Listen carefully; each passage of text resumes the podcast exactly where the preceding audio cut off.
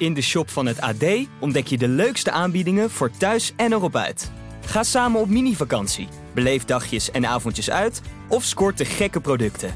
Wacht niet langer en bezoek vandaag nog ad.nl/slash shop. Beschik jij over de meeste voetbalkennis? Speel mee met het WK-spel en stel je kennis op de proef. Daag je vrienden, familie of collega's uit in een vriendenleague en maak kans op geweldige prijzen. Ga naar ad of jouw regionale titel.nl slash WK-spel. Dit is de AD Voetbal Podcast met Etienne Verhoef. Aftellen tot de WK-finale. De situatie van Daley Blind bij Ajax en de voetbalagenda wordt alleen maar voller. Dit is de AD Voetbalpodcast van 17 december met Sjoerd Massou vanuit Doha. Uh, Sjoerd, is een beetje aftellen tot de finale. Het is een beetje stilte voor de storm. Ja, dat is het. Ja, ook nog de wedstrijd om de derde en vierde plaats natuurlijk. Maar uh, nee, uh, dat is zoals het is. Er is nog maar één echte wedstrijd over. En dat merk je hier in, hier in Doha ook wel een beetje. ik liep gisteravond nog even door het mediacentrum. Nou, dat is daar hebben we het volgens mij al vaker over gehad. Hè? Dat is een soort raai keer 10. Dat is zo groot dat je jezelf een soort uh, flow uh, wa waant. Om, om, het, om het met Lionel Messi te vergelijken. Ehm, maar dat, dat was eigenlijk al helemaal verlaten. Kijk, er zijn al heel veel journalisten zijn al naar huis. Simpelweg omdat de meeste landen natuurlijk uitgeschakeld zijn. En uh, alleen uh, zeg maar de, de, de, finale club is over. Dat zijn nog steeds veel, hè, want er, waren, er geloof ik in totaal 12.000 of zo journalisten. Ik denk dat er nu ongeveer 4.000 nog over zijn. Maar dat, je merkt het in ieder geval aan alles. Ehm, het is wel op straat weer druk. Je ziet wel dat in de fanzones, speciaal voor dit weekend, dat heel veel regionale toeristen en voetballiefhebbers wel weer deze kant op zijn gekomen. Uh, Argentijnen waren natuurlijk al veel. Er zijn niet extreem veel Fransen bijgekomen. Uh, Fransen zijn niet zo reis, reislustig als het om voetbal gaat. Uh, ook niet uh, bij uitwedstrijden van clubs valt het vaak ook een beetje tegen. Er is niks beter dan Frankrijk, dus ja, dan ga je niet weg. Nee, precies. Dat, ze hebben hier geen baguettes en geen croissants. Ja, die hebben ze wel. Maar die zijn natuurlijk stukken minder dan als je gewoon in Parijs zit. Oui. Maar ehm, ja, maar het is wel weer ehm, de, druk in de metro's en druk op de straten. Dat was de afgelopen dagen werd dat, was dat weer duidelijk minder. Dat is nu alweer een beetje terug. En uh, ja, voor het laatst eigenlijk. Hè? Want daarna gaat Qatar, Qatar weer terug naar uh, normale proporties. En dan is het maar de vraag hoeveel mensen er in de metro zitten. Ja, maar zo'n zo'n wedstrijd om de plek 3 en 4 die we dan uh, vandaag eerst krijgen. Dat is natuurlijk zo'n wedstrijd die je eigenlijk als voetballer toch helemaal niet wilt spelen, of wel? nee, dat is mentaal dat heel moeilijk. Het ligt er een beetje aan wat voor perspectief je hebt. Hè? Ben, je, ben je zwaar teleurgesteld omdat je de finale gemist hebt of ben je stiekem ook wel heel erg trots op een halve finale die je bereikt hebt? Dat is natuurlijk nog net iets anders. Wat ik me van 2014 kan herinneren, uh, toen met, uh, met Oranje, was in eerste instantie zelfs bij ons, als, als verslaggevers, was een beetje de reflex van, jongen, jongen, moeten we nog helemaal naar Brazilia? We hadden al hartstikke veel gereisd en dan moet, moet, je helemaal voorstellen dat je speler bent. Dat je, dat je dan al wekenlang op elkaars lip zit, zit en dan moet je nog de anticlimax, namelijk die wedstrijd spelen uiteindelijk lukte dat eigenlijk hartstikke goed hè, bij Nederland en bij Oranje. En, en werd het eigenlijk een hartstikke uh, aardige wedstrijd. Uh, was ook de verdienste van Vergaal destijds, die erin slaagde om toch die spelers daar, daar weer toe te, toe te brengen. Uh, maar het, het, is, het is lastig. In 98 speelde Nederland natuurlijk ook die wedstrijd uh, om de derde plaats tegen Kroatië. Ja, dat, die gaven ze eigenlijk een beetje weg. dat, was, dat was bijna gênant hoe ze die wedstrijd ingingen totaal niet serieus nemend. En ik denk wel dat je daar echt spijt van krijgt als, als voetballer. Als je dat uh, op die manier doet. Want derde, derde worden bij een WK, dat is. Natuurlijk is geen hoofdprijs, maar, maar het is altijd nog, uh, nog, nog iets, nog iets fraais op je cv als je over tien jaar nog eens terugkijkt. Ja, de uh, Olympiërs zeggen altijd, die dan een finale mislopen, maar die dan strijden voor brons. Die zeggen, ik heb liever dat ik brons win dan zilver ver, dat ik goud verlies. Zo redeneren Olympiërs die dan een finale mislopen en dan nog voor brons gaan. Die hebben, dan hebben ze het gevoel dat ze iets gewonnen hebben. Ja, maar dat zijn natuurlijk ook malle jongens, hè, die Olympiërs. dat is, allemaal, allemaal malle jongens. Weet je, dat, weet je dat ik dat trouwens een vreselijk padvindergevoel altijd van krijg, van het woord Olympiërs? Ja, dat geloof ik dan wel. Zie ik, dan zie ik altijd zo'n zo groep, zo groep padvinders met een Akela voorop, zie ik, de, zie ik door de bossen trekken. Ja. Maar goed, dat is zijde. Nee, maar voetballers beleven dat over het algemeen natuurlijk wel anders. En uh, ook logisch, want het is natuurlijk uiteindelijk ook gewoon een, uh, ja, een wedstrijd van niks. Nee, uh, maar die bondscoaches nemen dat natuurlijk nog wel serieus hè, van, van Marokko en van Kroatië. Want het is nog wel, we moeten derde van de wereld worden. Die gaan er vol voor. Ja, nee, maar dat is, is toch ook begrijpelijk. En, en zeker Marokko, Die hebben natuurlijk al zo'n fantastisch WK eh, gespeeld. Hoe geweldig zou het zijn als zo'n land, hebben dat nooit eerder bereikt, ehm, derde van de wereld kunnen worden. En dat, dat gevoelsmatig verdienen ze dat ook wel, hè, op basis van wat ze hebben laten zien. En niet alleen qua spel, want dat was natuurlijk ook heel vaak verdedigend, maar wel qua, qua, qua verrassing, qua collectief, qua impact dat ze hebben gehad ehm, op de hele wereld eigenlijk. Ja, daar, daar hoort eigenlijk ook nog wel die bronzen medaille bij. Maar goed, daar kunnen wij niet, daar kunnen wij niet over beslissen. Dat kan alleen de FIFA. Ja, en die de kunnen FIFA dat soort dingen misschien beïnvloeden. ja. Pas op, je moet nog een dag. Eh, maar als je dan zeg maar kijkt naar Marokko, eh, die dan nu de halve finale halen als eerste Afrikaanse land. Na Cameroen in 1990, we hebben het eerder deze week over gehad, dacht iedereen nu breekt het Afrikaanse continent door op een WK. Maar toch is dat steeds niet het geval geweest. Hè? Ik bedoel, wat is dan de spin-off die hiervan komt van Marokko in de halve finale? Is dat een uitschieter of gaat het, is, is er een soort van eh, ding wat doorbroken is? Ehm, ja, dus la- lastig te zeggen. Kijk, Cameroen was natuurlijk wel ietsje anders.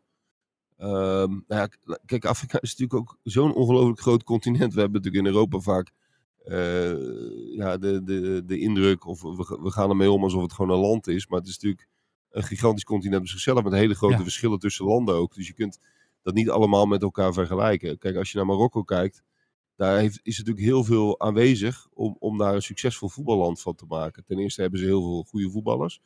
Eh, ten tweede is het een, eh, is het een gigantisch eh, land met heel veel internationale eh, vertakkingen, hè, de, diaspora. Waardoor er heel veel Marokkaanse spelers in de rest van de wereld spelen, ook heel veel in Europa. En ze hebben een heel goed opleidingsinstituut gebouwd een aantal jaar geleden. Waardoor ze ja, ook, ook wel best wel makkelijk topspelers aan zich kunnen binden. Of steeds makkelijker, ook al vanuit de jeugd. Die faciliteiten zijn allemaal uitstekend op orde, de organisatie ook. Nou ja, dat kunnen natuurlijk niet alle Afrikaanse landen zeggen. Dus in dat opzicht is dit wel een, eh, wel een bijzondere. En is Marokko wel, eh, denk ik, in staat. Je weet nooit hoe, hoe komend WK gaat. Voor hetzelfde wat missen ze opeens weer de WK-kwalificatie. Dat kan ook gewoon gebeuren. Ehm, maar als je op iets langere termijn kijkt, dan zou Marokko best een, eh, een soort subtopland in de wereld kunnen worden. Waarom niet? Ja, want met het aantal landen dat in Afrika zit, zou je toch zeggen dat die structureel altijd een kwartfinalist of een halve finalist bijna zouden moeten afleveren, zoals Zuid-Amerika dat heeft en zoals Europa dat ook heeft.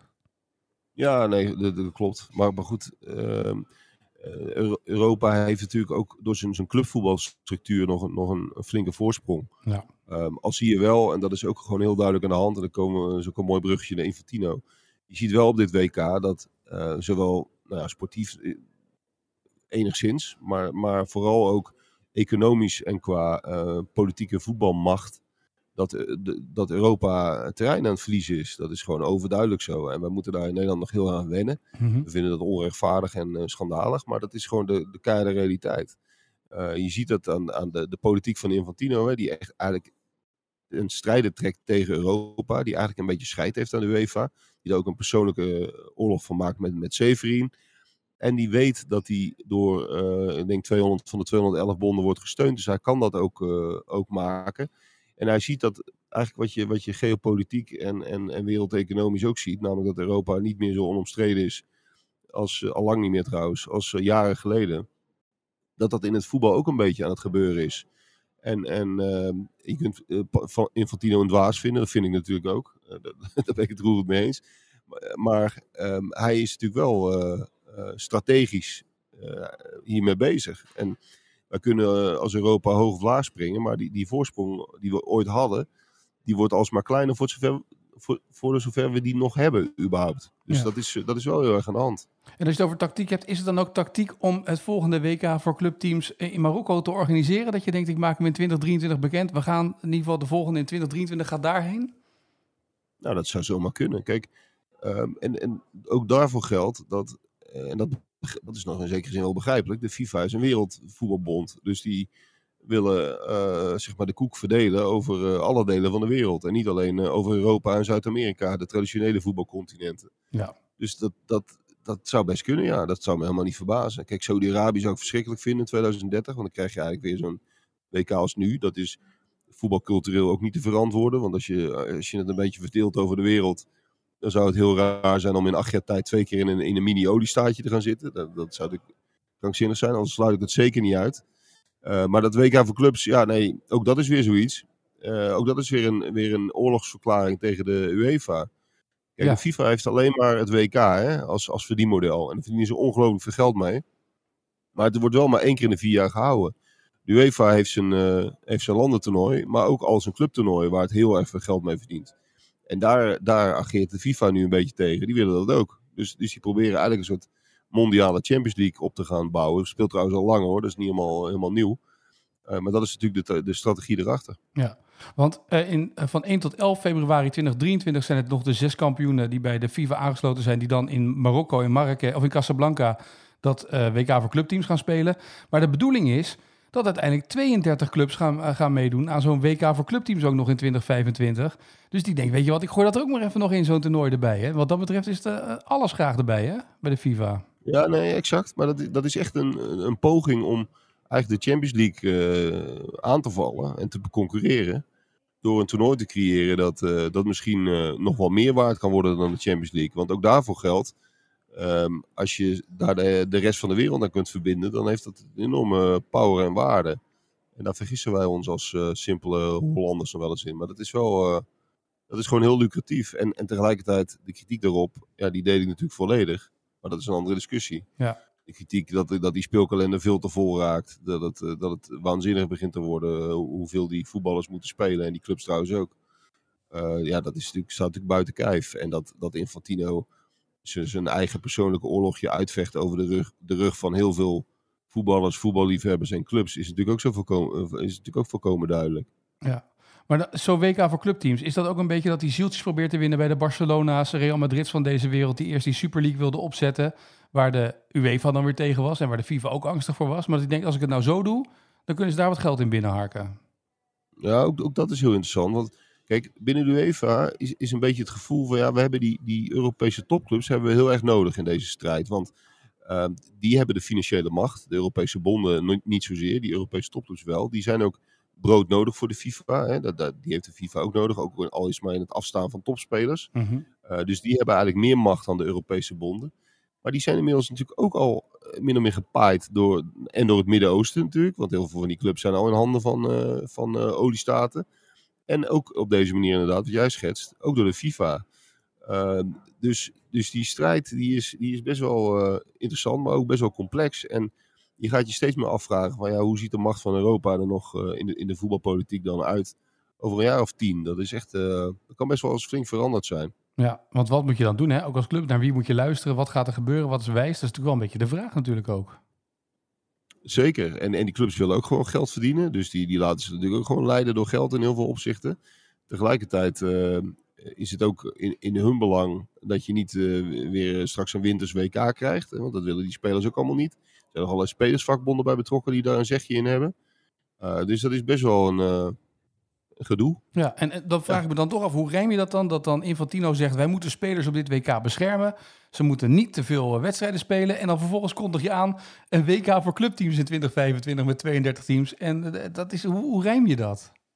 Plus een WK met Ja. 48 teams Ja, over vier jaar. ja. Ja, nee, het is natuurlijk te absurd. Absurd is het. En kijk, Infantino is natuurlijk gewoon een gladde aal.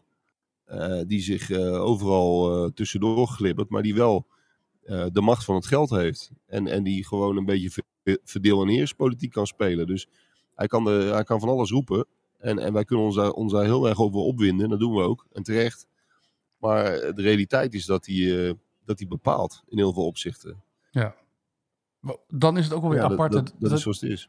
dat zo'n Sepp Blatter, de, die, die hiervoor de boel heeft ge, ge- nou ja, geregeerd... en de manier waarop, iedereen had daar kritiek op... En dan komt Infantino en dan ge- eigenlijk gebeurt gewoon weer hetzelfde gedrag, toch? Van, van wat we daarvoor hebben gezien, langzaam.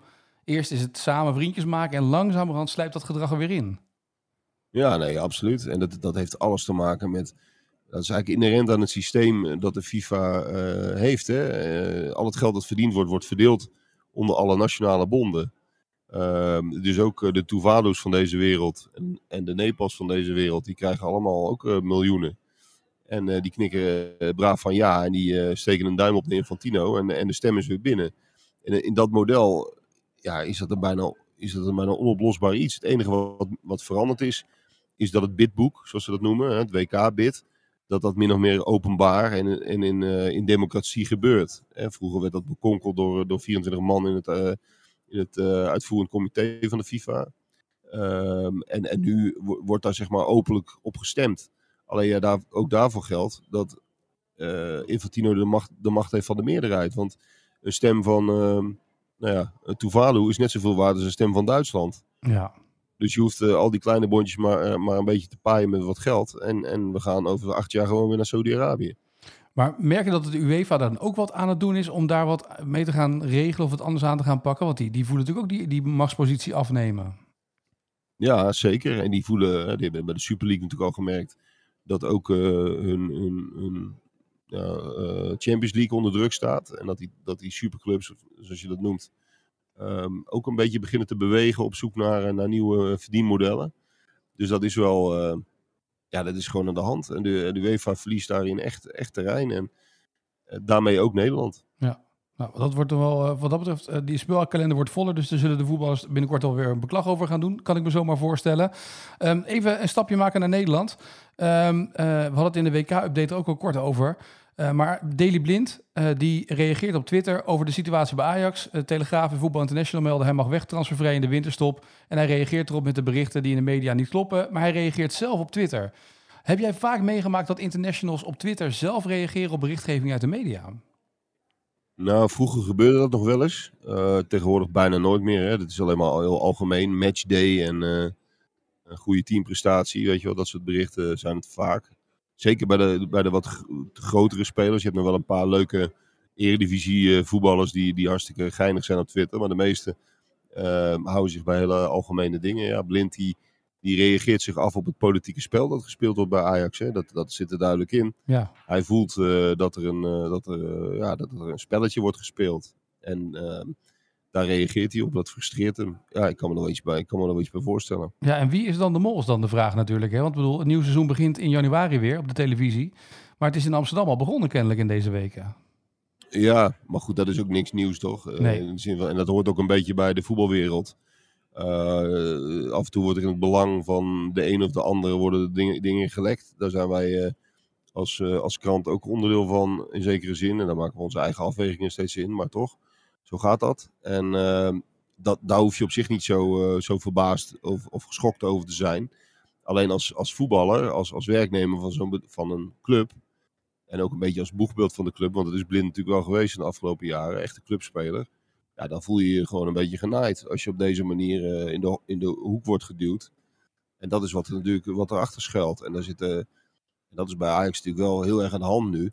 Daar is natuurlijk een machtsstrijd eh, aan de gang eh, in de top van de club. Ja. Er staan mensen onder druk. Mensen proberen hun posities te beschermen. Eh, mensen proberen positie te kiezen. Wat dat betreft is het bij Ajax een tijdje rustig geweest. in, zeg maar in de ten acht tijd. Maar dit gaat weer ouderwets op de Ajax manier. En, en dat, dat is natuurlijk het verleden heel vaak geweest. Met allerlei, dat is vaak gezegd, Ajax is een politieke partij. Eh, dat, is het nu, eh, dat is het nu onmiskenbaar weer. En ik ben echt heel benieuwd hoe dat op de, op de, op de wat langere termijn bij Ajax gaat. Want de club is heel, eh, heel onrustig in de top. En uh, Schreuder staat natuurlijk onder druk. Dat is ook algemeen bekend. Nou ja, eh, ik moet nog maar zien. Als PSV in dit, dit jaar in, zou kunnen slagen om kampioen te worden. Of misschien Feyenoord. Dan, eh, dan, dan gaat er heel veel gebeuren bij Ajax. eh, als het om onrust gaat. Want dan, dan komt het hele model eh, Champions League onder druk te staan. Nou, dat gaat hele grote gevolgen hebben. Eh, dus we gaan het allemaal afwachten. Maar dat het bij Ajax, eh, nou ja, zoals je het zo mooi zegt, dat er wat explosiegevaar is, dat is wel eh, helder. Ja, ik vind dat zo bijzonder dat als je dan dit soort verhalen leest en relateert het is als je gewoon nu eh, werkt bij een bedrijf, dat nu het AD bijvoorbeeld een bericht op Twitter zou zetten of zou lekken dat Sjoerd transfervrij mag vertrekken naar welk ander weekblad of opinieblad dan ook. Eh, zonder dat je dat Ja. dan zelf, dat zou, dat- als je dat bedenkt als gewoon als werknemer van, want dat is hij gewoon, hij is gewoon werknemer van Ajax. Als je dat dan terugleest in de krant of in de media, dat is toch, ja, dat is toch een rare manier van, van zaken doen eigenlijk ook. Hè?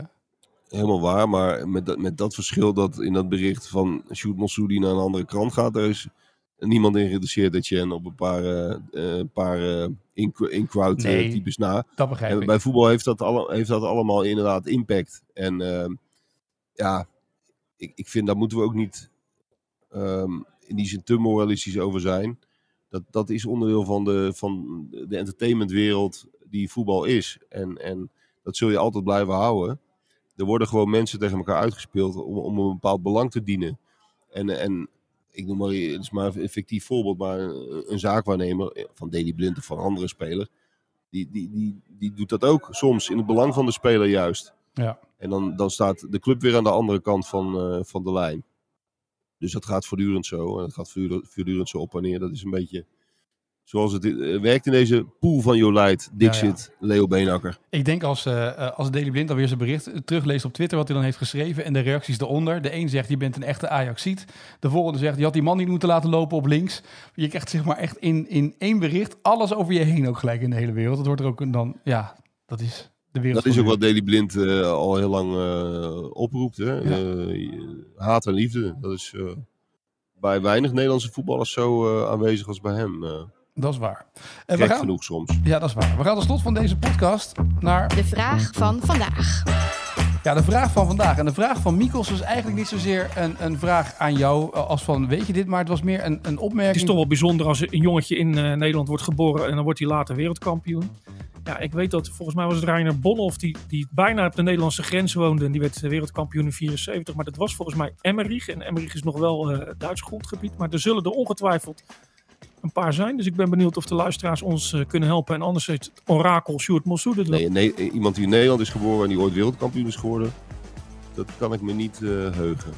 Nee. Het zou een keer een, een, een, een Duitser uit het grensgebied geweest kunnen zijn, maar dat is volgens mij ook niet gebeurd. Nee, nou ja, Mark Vaas heeft een prachtige plattegrond getwitterd. Ik zal hem nog even retweeten. Een aantal voetballers die dus op een ander land zijn geboren en met een ander land dus wereldkampioen zijn geworden. Dat is een mooi eh, berichtje. Ik zal hem even retweeten. Kunnen mensen dat daarop eh, nog gaan nakijken. Eh, jij mag het Mikos nog even één keer moeilijk maken. Zo eh, op de dag van de finale.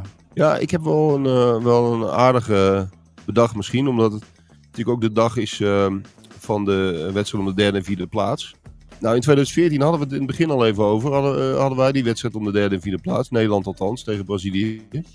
En ehm, het aardige is dat in die opstelling eh, van destijds, daar speelden ehm, vier jongens in die nu nog steeds in de eredivisie spelen.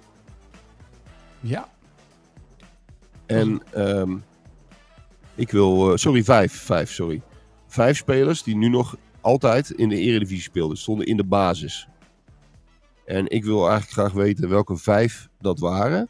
ja. En dan doe ik er eentje cadeau, omdat je daarover kunt discussiëren of het nog een eredivisie speler is. En dat is Daily Blind. dat is een mooie. En de rest mag Mikos Ja? dan eh, erbij beantwoorden. Of de mensen thuis via Twitter weer. eh, hashtag AD Voetbalpodcast. En dan eh, kan je daarop meegaan gaan in de vraag van vandaag. Morgen gaan we vooruitblikken op die finale weer met Mikos. Eh, maandag sluiten we af met jou en met Mikos. Dat is ook gelijk de laatste podcast van eh, dit jaar. Tenzij nog wat heel groots gebeurt. En dan maken we nog één afsluitende jaaroverzicht richting de kerst. Maar dan zijn we even na elke dag podcast wel even klaar voor een paar dagen, voor twee weken. Want dan begint het in januari, begint deze pool van Jolijt gewoon weer opnieuw natuurlijk. Maar dan hebben we even twee Ja. weken rust. Nou, heerlijk. Ik kan niet wachten. Heel goed. Ik spreek jou zondag en morgen zijn we er weer met een nieuwe van Mikos. Mooie dag, Sjoerd. Yo, oh ja. In de shop van het AD ontdek je de leukste aanbiedingen voor thuis en erop uit. Ga samen op mini-vakantie, beleef dagjes en avondjes uit of scoort de gekke producten. Wacht niet langer en bezoek vandaag nog ad.nl/shop.